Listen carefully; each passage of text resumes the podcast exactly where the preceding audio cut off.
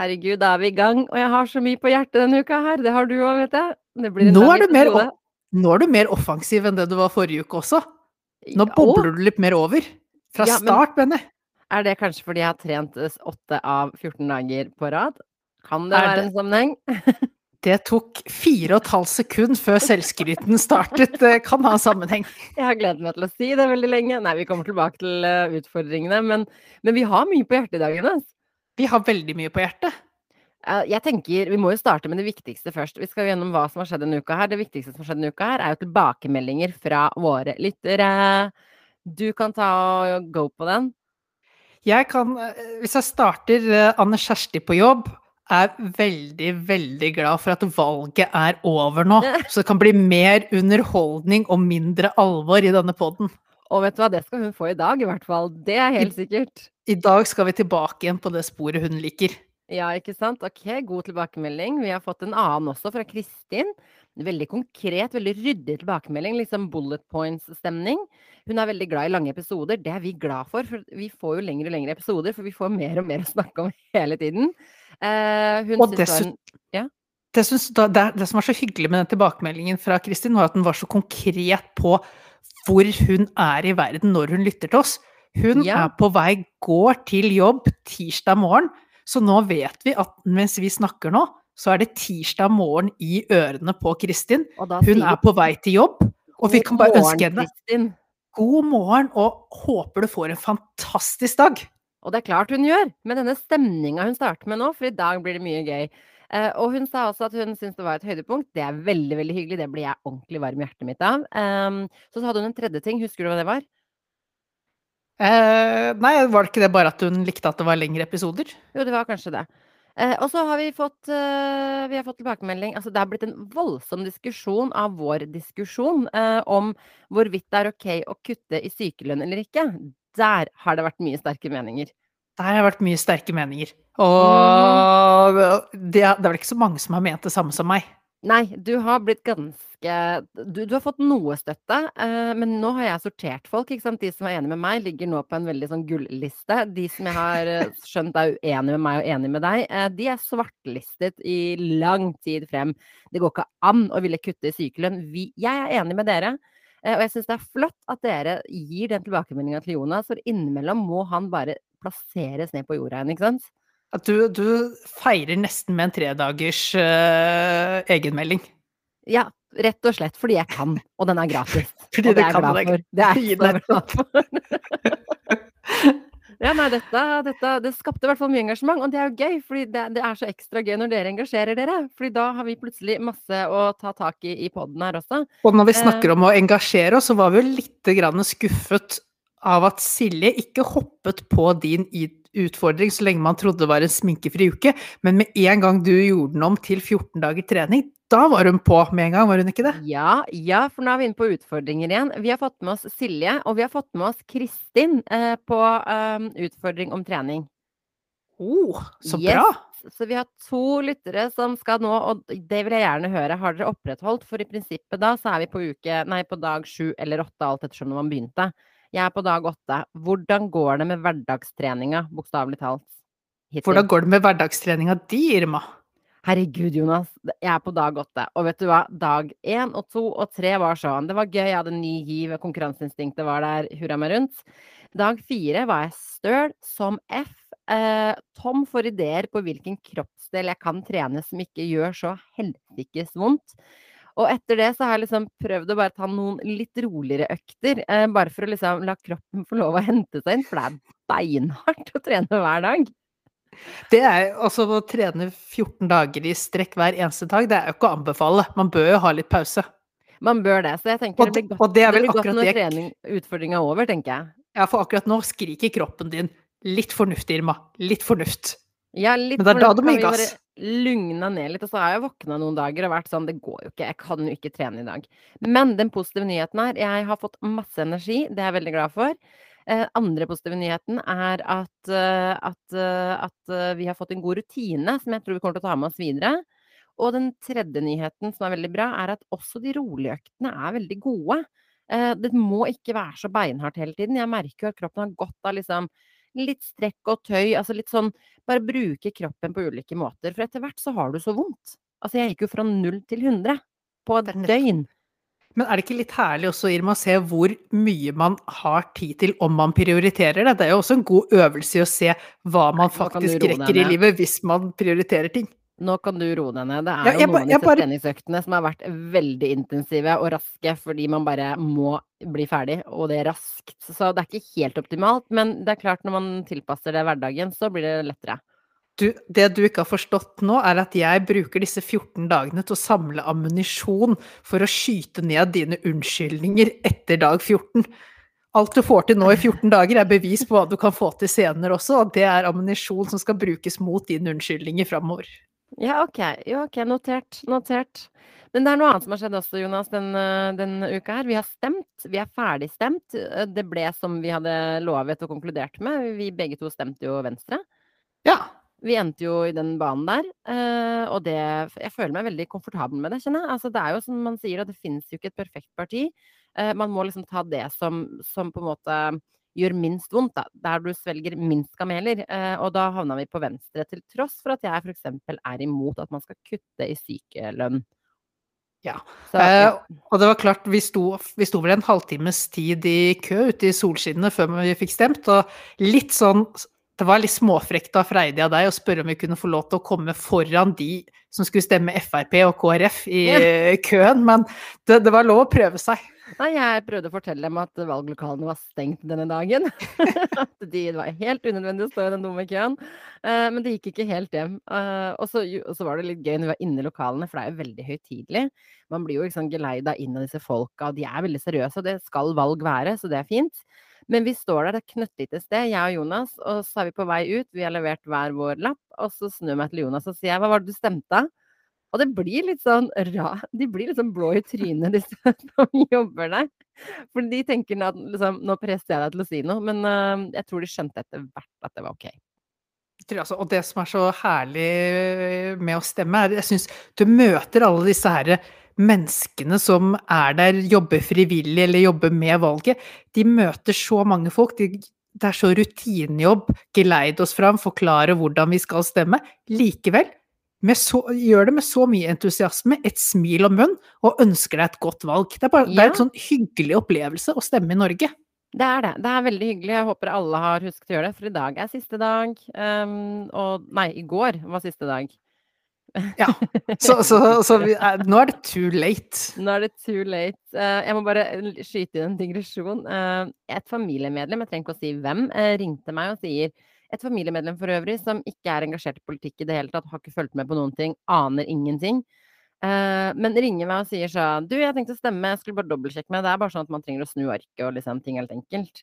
Jeg bare ja, ja, så flott at du skal stemme. Og hva er det du skulle stemme for noe, da? Altså, jeg nevner igjen, dette er et familiemedlem, som kanskje ikke er det etter dette her, men hvem vet? Eh, sånn fungerer, sånn fungerer, ikke familiemedlemmer, bare sånn at det er sagt. Du kan kutte ut venner, men du kan ikke kutte familiemedlemskap. Tiden får vise. For denne personen, som jeg, må anonymisere det, for jeg blir litt flau av det hele, skal stemme KrF, ikke sant? Altså, altså er det ok? På en måte, Folk må jo stemme det de vil, men jeg kjenner jo min egen familie, så jeg er litt sånn Men du vet hva de står for, ikke sant? Mer kristendom, mindre abort, altså De har fått livmora di på nakken. Ja, det, altså, det, altså, du forstår hvor du vil hen med dette her, og så bare nei, altså, nei, nei, det har jeg ikke fått med meg. Så bare nei, klart, det regner jeg med at du ikke hadde. Og så sier jeg, men hva er grunnen til at du stemmer KrF, da? Så bare Nei, du, vi har en lokalpolitiker her, jeg kjenner han. Han er da KrF-er eh, og inne i politikken. Og han er altså Han er altså så hyggelig. Ja. Han vil ta vare på oss folk. Jeg bare og, og, det er det som er så Stemmer liksom, på denne ene personen, egentlig. Ja, du stemmer egentlig på én person på et nasjonalt valg. Altså Jeg bare OK, uh, greit. Jeg måtte bare svelge den kamelen, for jeg skal ikke bestemme om folk skal stemme. Jeg må jo bare la det liksom gå sin gang. Du lot det gå sin gang? Du prøvde ikke å påvirke uh, noe ytterligere? Nei, jeg, jeg begynte å stille som spørsmålstegn rundt det, og til slutt så fikk jeg det spørsmålet jeg var ute etter. Ja, hva stemte alle dere da? Nei, nå skal du høre, vi stemte Venstre, skjønner du, fordi de er kjempelike KrF, minus på en måte en del av det grumset. Eneste problemet er at de tar fra deg sykepengene når du blir syk, men annet Ja. enn det så er det helt Så er tipp det topp, helt altså. greit. Så jeg vet ikke, jeg skal dobbeltsjekke hva det ble til slutt, men jeg tipper det ble KrF. Jeg er sjokkskada. Jeg er sjokkskada. Men nok om valg, så ikke vi mister eh, kollega, din kjære kollega. Hun er jo skitlei nå, tenker jeg. Det er for mye allerede. Nå må vi over på noe annet. Nå er vi over på noe annet. Har vi dekka alle tilbakemeldinger? Det er helt viktig. Vi har dekket alle tilbakemeldinger. Vi har dekket eh, dine Jeg tror vi har dekket alle. Vi har dekket en god del, i hvert fall. Ja, ja, noen har spurt meg om hvor er Tom? Det lurer jeg også på. Jeg lurer på om jeg skal sende ut en etterlysning etter Tom. Er han helt borte? Helt borte. Nei, nå kan vi jo høre. Altså, nå får vi se, da. Hvis han kommer med tilbakemelding i løpet av neste uke, good, Da da er han i live. Hvis ikke, så må jeg mer ut og etterlyse han internasjonalt og Ja, gjennom de rette kanaler. Ja, det tror jeg er helt riktig. Jeg Ok. savner Tom. Ja, altså noen har savnet Tom, da. Altså, sånn går dagene. Jeg skjønner det godt. Lytterne knytter seg tettere på hverandre, ikke sant. Det blir jo voldsomt, dette her. Uh, what's next? Jonas? Nei, vil du skryte av meg, eller vil du hoppe over at jeg har hoppet, eller eh, Det er, altså, ikke bare skal vi skryte av deg, vi skal ta med Det er klart vi skal snakke om det, det er jo en egen seksjon. Jonas har hoppet fra tremeteren. Og jeg må bare Kan jeg bare gi min refleksjon av det? Kjør på! En rask refleksjon av det. Du var ikke nervøs på forhånd. Du ble jævlig nervøs eh, når det nærma seg vi, dagen var der og vi var på vei dit. Du hadde valgt hvor du ville hoppe fra. Hold deg fast. Størenga, eh, hvor hele Oslos befolkning henger på soldager, og dette var en soldag. Det var siste innspillet fra Kristin, og var jo at Sørenga har et øh, hoppetårn. Oi. Det var det som var det tredje punktet. Så det var nok der inspirasjonen kom fra. Ok, så der dukka det jo opp noen ekstra utfordringer eh, som du ikke hadde regnet med, som gjorde at nervøsiteten tok deg så innmari at du, altså, du, du gikk opp på dette brettet og bare hoppa rett ut. Du klarte ikke å stå der engang, for jeg tror du bare var i en sånn psykose av noe slag. Eh, det er det rareste. Vi, har, vi skal selvfølgelig legge det ut på promo av podden, eh, filmen, men vi har også et klipp som vi skal vise dere, høre, dere kan høre snart. Hva er din refleksjon, Jonas, før vi viser klippet? Jeg tror først så kan, kan vi ikke kjøre først klippet av uh, meg på vei til hoppeutfordringen. Skal vi starte Før- her? La oss starte der, for da kommer folk litt inn i det mindsettet jeg var i. Ok. Hør hvordan pre- pre-forberedelsene var til hoppingen. Da er vi på Sørenga. Vi nærmer oss, Jonas, eh, det som er tremeteren. Hvordan føles det her, egentlig? Nei, det føles greit nok for å være de siste timer. Det føler jeg. For å være de siste timer. Ja, man må jo ha, regne med at det går til helvete, og så får man ta alt annet som en bonus. Og vi har akkurat registrert det er masse folk her ute, for det er jo 100 grader i lufta. Men ingen bader. Men det skal du. 15 grader i vannet, det er liksom det jeg gruer meg til nummer to. Men uh, det verste blir liksom mange folk som står og ser på også, at man skal bli stående på hoppkanten og bare avvente at man faktisk tør å hoppe. Så du gruer deg til publikum, er det du sier? For det hadde jo ikke vi regna inn i det her. Men jeg syns egentlig det er litt fint, fordi din utfordring er sånn den er over på ti sekunder. Min er jo to uker. Så jeg tenker det publikummet var en liten ekstra deilig touch. Ja, det skjønner jeg at du tenker. Men samtidig, dette her var jo en utfordring som du på all del ikke ønsket å gjøre sjøl. Sett så føler jeg ikke noe på at den er for lett. Men du vet at jeg hadde ikke brydd meg om publikum, jeg hadde vært livredd for høyden bare. Men vi er i gang, vi nærmer oss. Ja, ja, ja, ja, ja, der dukket utfordringen opp. Fortell, Jonas, hvordan var dette her med Sørenga og hopping? Det var jo, som jeg sa der, liksom det begynte å gå litt off med at eh, det skulle skje, og det var mye folk. Og du gikk rundt og intervjuet meg blant alle disse menneskene. Så det var, det var så mange grader av ubehageligheter at jeg sier jo ikke mye fornuftig. Nei, nei altså, du, jeg, du er jo i psykose. Det er det jeg sier. Det Ja, var ja. liksom vanskelig å få litt blikkontakt med deg og få en hel ordentlig setning ut av deg. Eh, fordi det vi nærmet oss, og vi ser liksom dette hoppet og Sørenga litt lenger bort, og vi ser at det er liksom kryr av mennesker, da tror jeg du forsvant litt inni deg selv. For, samtidig så jeg var også veldig fokusert, for jeg hadde veldig lyst til å få til. Jeg hadde på en måte mentalt forberedt meg på at jeg skulle gjøre det, og jeg skulle gjøre det på en, på en minst mulig dramatisk måte også. Eh, så jeg var veldig motivert. Så det var, var sånn er blanding av å være, eh, være i bobla, være mentalt forberede meg på det, Og, Og en samtidig- Paradise Hotel-deltaker. nettopp, og samtidig som jeg prøvde å fokusere på minst mulig på det. Så det er jo en eh, merkelig kombinasjon, og ja, da da, det bobla ganske godt før jeg skulle ut og hoppe. Men altså, jeg ble mektig imponert, og det tenker jeg dere kan bare høre selv hvordan det hele utspilte seg, dette hoppet osv. Hør her nå. Ok, da er Jonas på vei opp tårnet.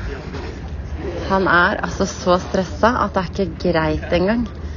Eh, jeg venter på plasket. Nå står han der. Og nå Å, han hopper! Han hopper! Dette gjorde han kun fordi det er folk som står og ser på. Men det var jo altså ingen sak. Nå får vi kommentar fra mannen sjøl. Ja, hvordan eh, var opplevelsen? Ja, shaky, men uh, det var litt artig. Var det artig? Det var litt artig, men det var, det var overraskende lang tid i lufta. Og man alltid tid til å tenke. Men du hoppa jo, du hoppet jo rett ut. Du liksom så ikke ut som du hadde noen betenkningstid engang. Hva skjedde? Jeg måtte jo bare gå for det. Det er jo hundrevis av folk her. Applaus! Det er Ja, så gøy. Det, jeg liker veldig godt at det plasket kommer så godt fram. For det er Ja, så u- men det var hensikten. Jeg Men- gjorde det. Men altså, det var folk rundt der. De skjønte ikke hvorfor jeg sto med to telefoner. ikke sant? Én til å spille inn lyd og én til å spille inn video. Eh, de fulgte voldsomt med og lurte på om dette her var noe, noe, noe større greier enn de selv trodde. Eh, og så rakk jeg nesten ikke å få opp disse telefonene før du liksom var opptrappa og ned, ned den greia. Eh, så det var akkurat på sekundet, fordi du, du bare gikk, gikk rett i det. Jeg hadde jo stått der oppe og svetta, ikke sant? Ja, det var det jeg hadde, også hadde gjort hvis ikke jeg bare hadde gått uti på det. Så var jo en kombinasjon av at nummer én, jeg kunne blitt stående der. Eh, nummer to, det er mange folk på Sørenga. Det er typ tre stykker som bader. Så det å hoppe fra hoppetårnet, det er ikke som midt på sommeren hvor det er lange køer og alle gjør det og ingen tenker på det. Det er nesten en liten begivenhet ute på tuppen der når noen går opp i det tårnet for å hoppe. Følte du deg sett på? Følte at folk så på deg? Jeg følte meg sett på, og jeg følte meg eh, ganske liten og klar for å bli minst mulig latterliggjort, og da var det bedre å bare hoppe i det uten å tenke seg mer om. Jeg synes det, var så, altså det så ut som du ikke har gjort noen ting annet i livet enn å hoppe fra tremeteren. Så det var stor applaus. Major stolt av innsatsen og måten du håndterte det på. Jeg hadde ikke gjort det der så grasiøst. Det kan jeg si med en gang. Ja, det får vi se neste år. Nja. Nja. Så da er utfordringen din gjennomført. Jeg har ytterligere noen dager. Jeg skal selvfølgelig holde dere oppdatert på det, men utfordringene ruller og går. Bra. Oh, det var godt å få det overstått. Ja, Godt gjennomført. Takk, takk. Ok, on to the next. Herregud, vi har så mange spennende temaer i dag. Hva var det vi skulle ha next? Hjelp meg, du har hukommelsen i dette Nå har jeg, jeg har funnet en litt sånn fin og morsom nyhet, Irma. Oi. Altså, dette her er mye av det jeg elsker med samfunnet, puttet inn i ett. Oi, Og det var en artikkel jeg kom over på NRK denne uka her. Eh, og vi har jo det til felles, Irma, at selv om vi ikke Jeg tror ingen av oss to er fødte forskere, så elsker vi forskning. Ja, ja, ja, ja. ja. All, all, all gøy forskning er gøy. Okay, Og- Og, og bra, du, bra du kjører gøy forskning, for det er det som det nå er delt ut priser for. Ok. IG Nobelprisene, de deles ut for eh, forskning som har som mål å Eller det de sier at dette er forskning som først får deg til å le, og så får deg til å tenke. Oi, beste type forskning, det. Så dette her er forskning på ting som er litt sånn utenfor radaren til vanlig, vil jeg si. Ok, Så deles det ut disse prisene i ulike kategorier, da, akkurat som nobelprisene deles ut i ulike kategorier. Mhm. Så jeg tenkte jeg skal ta en liten gjennomgang på noe av det, og så kan jo du få lov til å kommentere litt på hvor fortjent prisen er, hvor viktig det er med slik forskning etc. Det er gøy at jeg får lov å mene ting om ting jeg ikke kan noe om. Det er Ja, ja, det men- Det er jo derfor vi har denne podkasten. Det er for å dekke annet det behovet ditt. Eh, først, da, en liten skuffelse, Irma. Det var ingen fra Norge som vant pris i år. Nei, det- nei, nei. Er vi ikke rare nok? Og dette her er, altså dette er en speisa pris, men den pleier å deles ut fysisk på Harvard University. Eh, måtte kjøre det digitalt i år pga. korona, men like fullt, det er opplegg rundt det, altså. Det er Men- prestisje. Det er prestisje. Selv om nordmennene ikke kom helt topp til topps, så har vi et svensk team som vant innenfor biologi. Oi, hva Hva? Hva? Teamet ledet av Susanne Schjøtz vant prisen i biologi for å analysere variasjoner i kattens språk i kommunikasjon med men mennesket, slik som purring, murring, piping, pludring, maling og de ulike mjaulydene. Ok, så hun har definert kommunikasjonen mellom katt og menneske. Det er nettopp det hun har gjort. Hun Men har, har hun, har, konkludert med hva de ulike lydene betyr? Da? For det hadde vært litt spennende. jeg må ærlig innrømme at jeg har ikke satt meg ned og lest gjennom alle disse forskningsrapportene. Har Men tatt hun har, no, hun har nok ikke det tatt i betraktning at ingen vet om det. Det er ingen som har snakka med katta sine, har de det? Det kan være at hun eh, får et Altså, hestehvisker er jo et uh, yrke. Kanskje hun starter som kattehvisker nå. Oi, oi, oi. Ja, det, ja, ja, nei, men at svenskene tar den, det, den ser jeg. Jeg kjøper den. Jeg kjøper den. Du kjøper den. Eh, så har vi innenfor kjemi. Der er det Jørg Wicker med kollegaer som har vunnet prisen for kjemisk analyse av luften inne på kinoer. For å teste om luktene fra et publikum kan indikere nivåene av vold, sex, antisosial oppførsel, stoffbruk og dårlig språk i filmen som publikum ser på. Så de lurer, de lurer rett og slett på om vi lukter annerledes når vi ser på en romantisk komedie kontra en voldelig grøsserfilm. Uh, det ville jeg sagt ja til uten noe for, for forskning, for jeg vil si at mange svetter mer kanskje på en, eh, på en skrekkfilm enn en romantisk komedie, vil jeg anta. Bare sånn u... Det er ikke scientifically proved, men eh, det er min hypotese. Motsatt Men- hos meg, for eh, romantisk komedie pleier å ha mye pinlige momenter, så det er mer svetting der. mener du? Nei, jeg mener mer sånn derre pinlige Klisjé. møter hvor man klisjeer, og du bare ser den komme. Hvor man komme. skiller lag under regnet og Ja, altså, vi kan ikke snakke om det. Det begynner allerede å Man kan forske på det i det rommet jeg sitter i nå, og skjønne at jeg er inne på pinligheter. Det der er ganske ubrukelig forskning, vil jeg si da. Fordi hva fanken skal man bruke det til? Det, og Nei, man har men- funnet ut av det. Ja, men Hva tenk skal om du du bruke det til? eh, Jeg vet ikke, kanskje du Når du ser på andre ting, kanskje du kan Tenk nå da når vi kommer tilbake på jobb, og så har vi allmøter i samme lokal, kanskje man kan ta og analysere luften for å finne ut reaksjonen på det som ble lagt fram på møter? Men det er jo ikke det de definerer. De definerer jo ikke reaksjonen, de definerer ulike lukter knytta opp mot ulike filmkategorier. Ja, Så, hvis, det så, hvis, så hvis vi svetter alle sammen og lukter drit eh, under skrekkfilmer, hva skal du bruke det til? Hvis du også lukter drit etter et møte, så har det vært et skrekkelig møte. Det er det du skal bruke det til. Skal du ha forskere som løper etter deg og sniffer på deg? Mm. Ja, ok, nei, altså det var fiffig. Fiffig, ja. Ubrukelig, men fiffig. Eh, økonomi.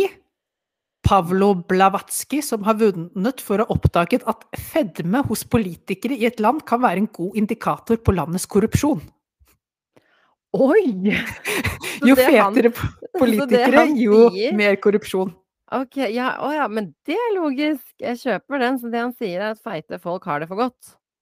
Dette her kunne jo, Hadde dette dukket opp tidligere, så kunne venstresiden i Norge brukt dette her som et ordentlig salgsargument gjennom ja, men eh, altså, hvis det er noe hold i det, så tenker jeg det kan man jo bruke. Det kunne partiene brukt litt. eh, Da hadde det vært full slankekur på hele gjengen, da, hvis man skal prøve å fremstå som ikke-korrupt, da. For å si Ja. det sånn. Hæ. Nei, men altså, korrupsjon Ja, ja, man lever jo godt da, kanskje? Som politiker. Jeg tenker det. Kanskje Hvis du mottar mye gaver og sånn, så er vel det gjerne mat og vin og fester og Du koser deg, og du tar litt lettere på livet hvis du er en korrupt politiker, eller hvis du er en hardtarbeidende rettferdig en. Kim, Kim Jong-un. Han er jo rund. Han er rund. Og, Ja. og jeg ja, vil jo tippe at det er en god indikasjon på at han er korrupt, da, om ikke noe annet. der har du allerede trukket en slutning basert på forskning. Og dette begynner å bli bra forskning. Nå begynner vi å sette det i sammenheng. Vil du, vil du vite du vinner, hva du vinner fredsprisen på, da, i år? Nei. Du vil ikke vite? Jo, jeg vil vite, Jo, men så eh, jeg tolka det som at vet du? Nei. Oh, ja. Den vinner du for å teste hypotesen om at mennesker utviklet skjegg for å beskytte seg mot slag mot ansiktet. Nei, det, det, vi kan ikke bruke ressurser på dette her. Vi må slutte å bruke intelligente folk til dumme ting. Vi kan ikke holde på sånn her. Det de fant ut, er at skjegg kan brukes til å dempe slag mot ansiktet, og dermed så styrket de teorien på at skjegg først ble utviklet som en slags forsvar mot voldelig oppførsel. Ja, men voldelig Ja, kanskje et klask, men han som er tannløs, da, som har fått liksom øh, skjegg i postkassa, for å si det sånn, Ikke lang nok bart. han har ikke kjent på noe aircon, aircon Nei, aircon sier airbag-stemning der. Ja, det, er Nei, det der er dumt. Det er det er for kort bart.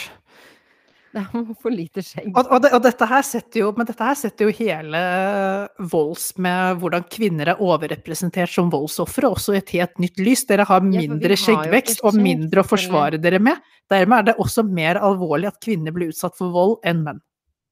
Det er, der trakk du en veldig viktig konklusjon. Jeg, da, jeg tipper alt bunner i akkurat det.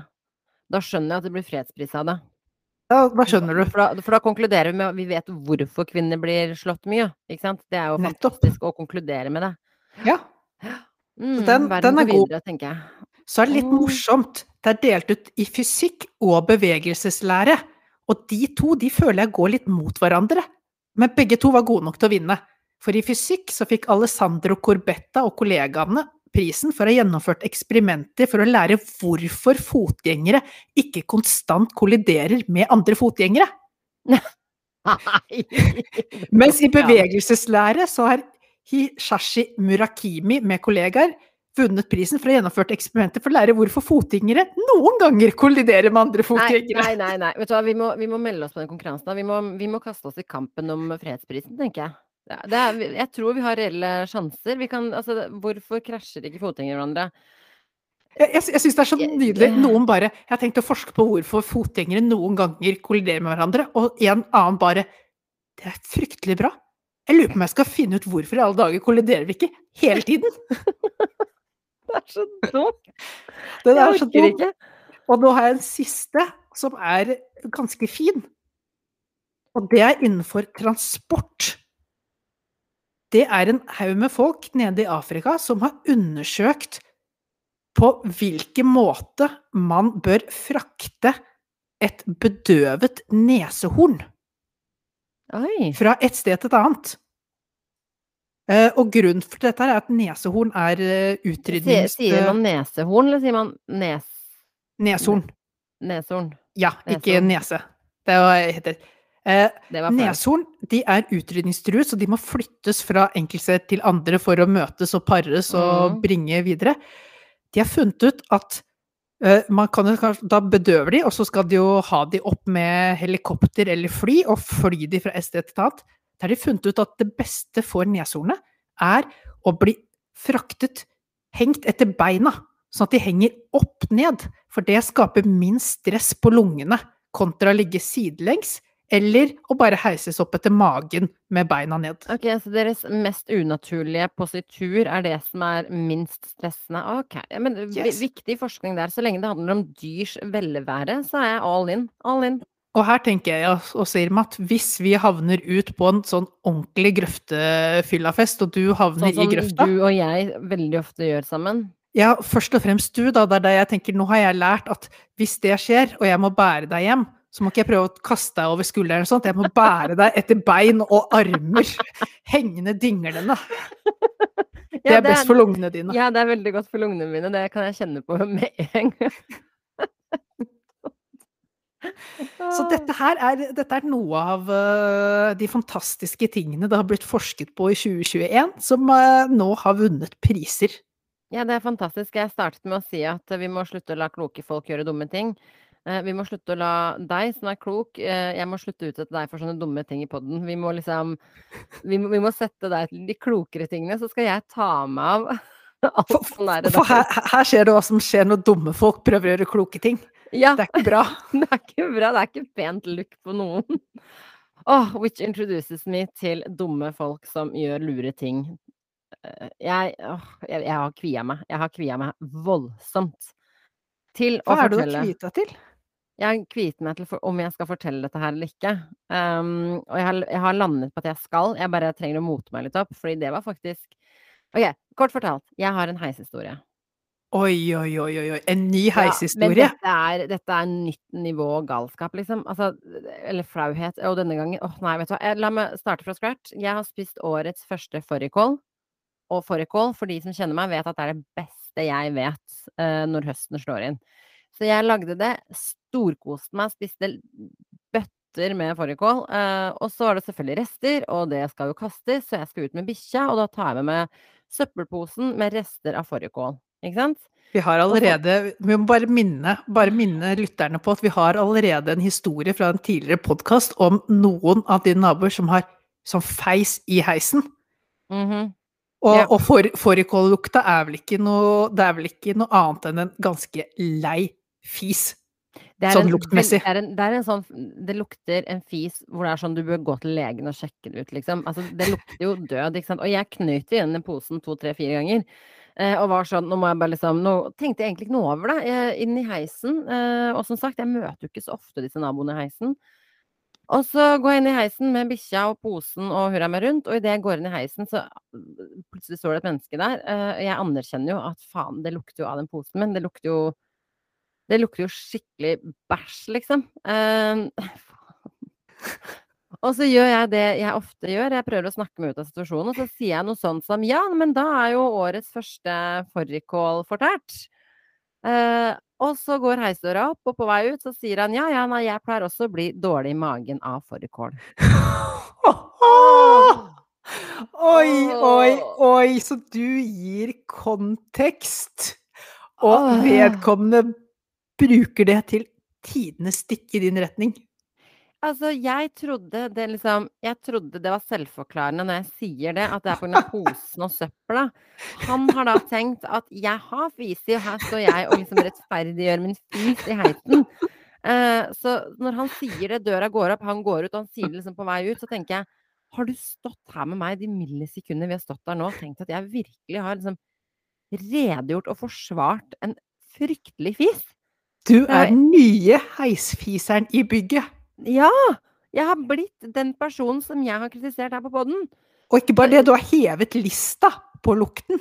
Ja, så jeg, jeg tar meg selv at jeg liksom prøver å løpe litt etter den, bare for å liksom Nei, nei, nei, du, det er posen, bare sånn for å spøke det hele bort. Bare for å spøke det hele bort. Eh, men så har jeg med meg en liten valp, da han nekter jo å gå, så jeg står liksom og drar i den valpen etter meg. Den mannen forsvinner ut døra, jeg bare fy. Så det, det skjedde, da. Det skjedde. Sånn, nå er jeg forsynt. Uh, jeg håper jeg, jeg, Bokstavelig det en- talt. det er en nyinnflytta kar. Uh, Jeg har sett den kanskje en gang før, så jeg håper bare jeg slipper å møte på den igjen. Og neste gang jeg møter på den, så kommer jeg til å begrave meg selv ned i den heisen. Eller så må jeg bare begynne å ta trappa fra nå av. Jeg vet ikke. Jeg er usikker. jeg Du tar i hvert fall trappa neste gang du skal ut med fårikålrester. Ja, men for fader, det tenker man ikke på før man står i et lukka rom, liksom. Ja, det, det var det. Det var det jeg hadde. For, hvordan uh, føles det å få det, få det av brystet og ut i lufta? Føler du på skammen? Nei, for hver gang jeg forteller det, så, så vokser liksom skammen hakket mer. Fordi det er én ting jeg er opptatt av, og det er at fis er ekkelt. Det må folk slutte å gjøre hvor det påvirker andre mennesker. Og nå, og nå er jeg liksom der selv, at han, denne karen tenker at der kommer det en dame inn og bare slipper en skikkelig en. Og bare, og så det verste er at jeg, og så begynner jeg å analysere dette her. Jeg sa jo er årets første fårikål fortært. Nettopp. Altså, han tok det som at jeg, altså, Skjønner du hva jeg vil med dette her? Altså, Jeg, jeg jo- skjønner. Jeg skjønner. Det er Åh, eh, Tenk så flaut om jeg hadde prompa og sagt det, da. Om jeg hadde sagt det er årets første fårikål fortært. Altså, du sier jo ikke det. Om jeg hadde prompa, så hadde ikke jeg sagt det. Okay. Altså, det var du- det var du som introduserte tarmen din inn i dette heisdramaet. Jeg orker ikke. Altså, jeg, jeg, håper han, jeg håper han tulla at det liksom var For i så tilfelle så må vi gi han tidenes kommentar. nei, nei, nei. Jeg kan lese folk. Han tulla ikke. Han, han skulle liksom gi meg trøst, som at Han- det var ok, å ja. liksom. Litt det- sympati, ja. Ja, det var sympati. Sånn ja, ja, nei, jeg blir også dårlig i magen av fårikål, sier han lynkjapt på vei ut.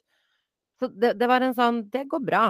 Det går bra at du gassa oss i hjel. Men da, jeg, jeg syns det eneste riktige å gjøre nå, Irma, er å invitere hele oppgangen til fårikålfest hos deg. Nei, nei nå, nå er jeg forsynt, jeg. Er forsynt med hele nabolaget. Sånn. Det var det jeg hadde på på hjertet, som var veldig viktig å få ut. Eh, Snart blir det enebolig på deg. Fort gjort. Fort gjort. Karmøy eller noe sånt. Jeg må skyte inn, apropos Karmøy, det dukka opp i hodet mitt nå. Har du Nå- sett? Nå har jeg sett den derre Birgitte-dokumentaren på TV 2. Altså, jeg blir rasende. Jeg blir Ja. Altså, jeg blir så rasende. Hvorfor har ikke hele Haugesund politidistrikt blitt lagt ned, liksom? Dere må se det, jeg kan ikke si noe mer. Eh, hvis du vil se justismord, sånn som vi er vant til å se det i USA, og peke finger og si 'Å, herregud, så ubrukelig dere er i USA', ta og se på Birgitte-saken på TV 2. Det er altså til å bli uvel av. Fy faen, de har fått lov å herje med en mann. Men eh, Nei, dere må se det, jeg skal ikke si noe mer. Men jeg er sjokkert. Jeg avslutta den i dag seinest, så ja. jeg- det sitter Det er godt å få deg up to date. Da, nå tenker jeg at nå er du også emosjonelt engasjert i denne saken her. Så det blir jo Ja. spennende å se hvordan den utvikler seg. Ja, jeg håper, han, jeg håper han går etter hver eneste person og hver eneste distrikt og hver eneste politimann som, som på en måte ruinerte livet hans velvitende og med full intent. Altså, fy faen. Ja, nei. Ja, det var ganske Dere må se det. Birgitte Tengs-saken på TV 2 der, altså. På TV 2 Sumo. Det var Yes. reklame av noen vi ikke er sponset av, så det er helt greit. Ja, vi reklamerer ikke for noen vi er sponset av. Du, du skal få fem minutter, Irma, for vi kan ikke gi deg mer enn fem minutter til dette temaet, for dette her engasjerer noen få, og så det irriterer det mange. Det har vært en fantastisk Formel 1. Jeg sier det til lytteren nå, hold ut i fem minutter. Irma skal få lov til å dra opp Formel 1, det som skjedde eh, denne helgen her, i fem minutter. Jeg skal passe på at ikke det blir mer, men ikke heller mindre. Fyr løs, Sirma. Jeg, jeg, jeg, å, det er så mye å ta tak i. Herregud, herregud, herregud. La oss starte. Jeg bare hopper rett på det viktigste. Eh, Bra løp. Det var sprintløp denne helgen. Det vil si at de plasserte seg. Dødskult at Bottas, som har fått sparken fra sitt team, eh, presterte dødsbra der og ga dem en liten FU. Eh, og så er det rått eh, at eh, det som Eller rått. Det som skjer De to som konkurrerer om verdensmesterskapet, som er liksom tett i tett på Louis Hamilton og Max Verstappen. Yes. De krasjer i hverandre. Det har blitt så dårlig stemning mellom dem. Ingen av dem gir slipp på plassen sin på forbikjøringene. De krasjer i hverandre, som setter hele løpet liksom Det er everyone's game. Og så er det enda mer rått at det laget hvor jeg har kjøpt veldig dyrt merch fra, som vi har vært inne på, jeg har solgt en nyre for det, de blir nummer én og to. På nummer førsteplass er det Ricardo, som da vinner. Verdens blideste Formel 1-racersjåfør. Nummer to er eh, Landon Norris. Knøttliten, dritsøt. Eh, elsker han også. Dødsrått. Og så har du Bottas, som starta bakerst. Som klatrer seg opp til en tredjeplass og drar inn poeng til Mercedes. Dette er veldig internt for de som forstår det.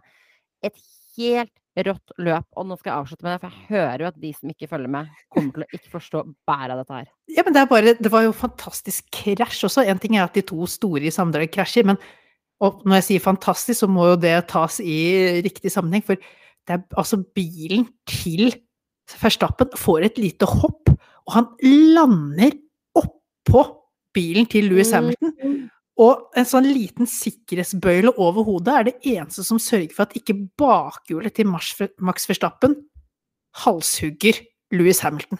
Ja, Så altså, han, han går Altså, fra det uskadet, ja. men er millimeter fra å omkomme samtidig. Ja, altså, altså det, dette svære dekket altså, du, du, du tror ikke hvor svært det er, og det er så blytungt, hele den bilen og dekket, er oppå huet til Hamilton, og det eneste som gjør at han overlever, er jo denne bøyla. Denne haloen. Det er jo spinnvilt hvor mye sikrere det er blitt. Fy fader, tenk deg før i tiden. Det er jo bare noen år siden haloen ble introdusert. Hadde Det det. dette her skjedd for tre-fire år siden, eller hva det er for noe, så hadde jo han dødd på stedet.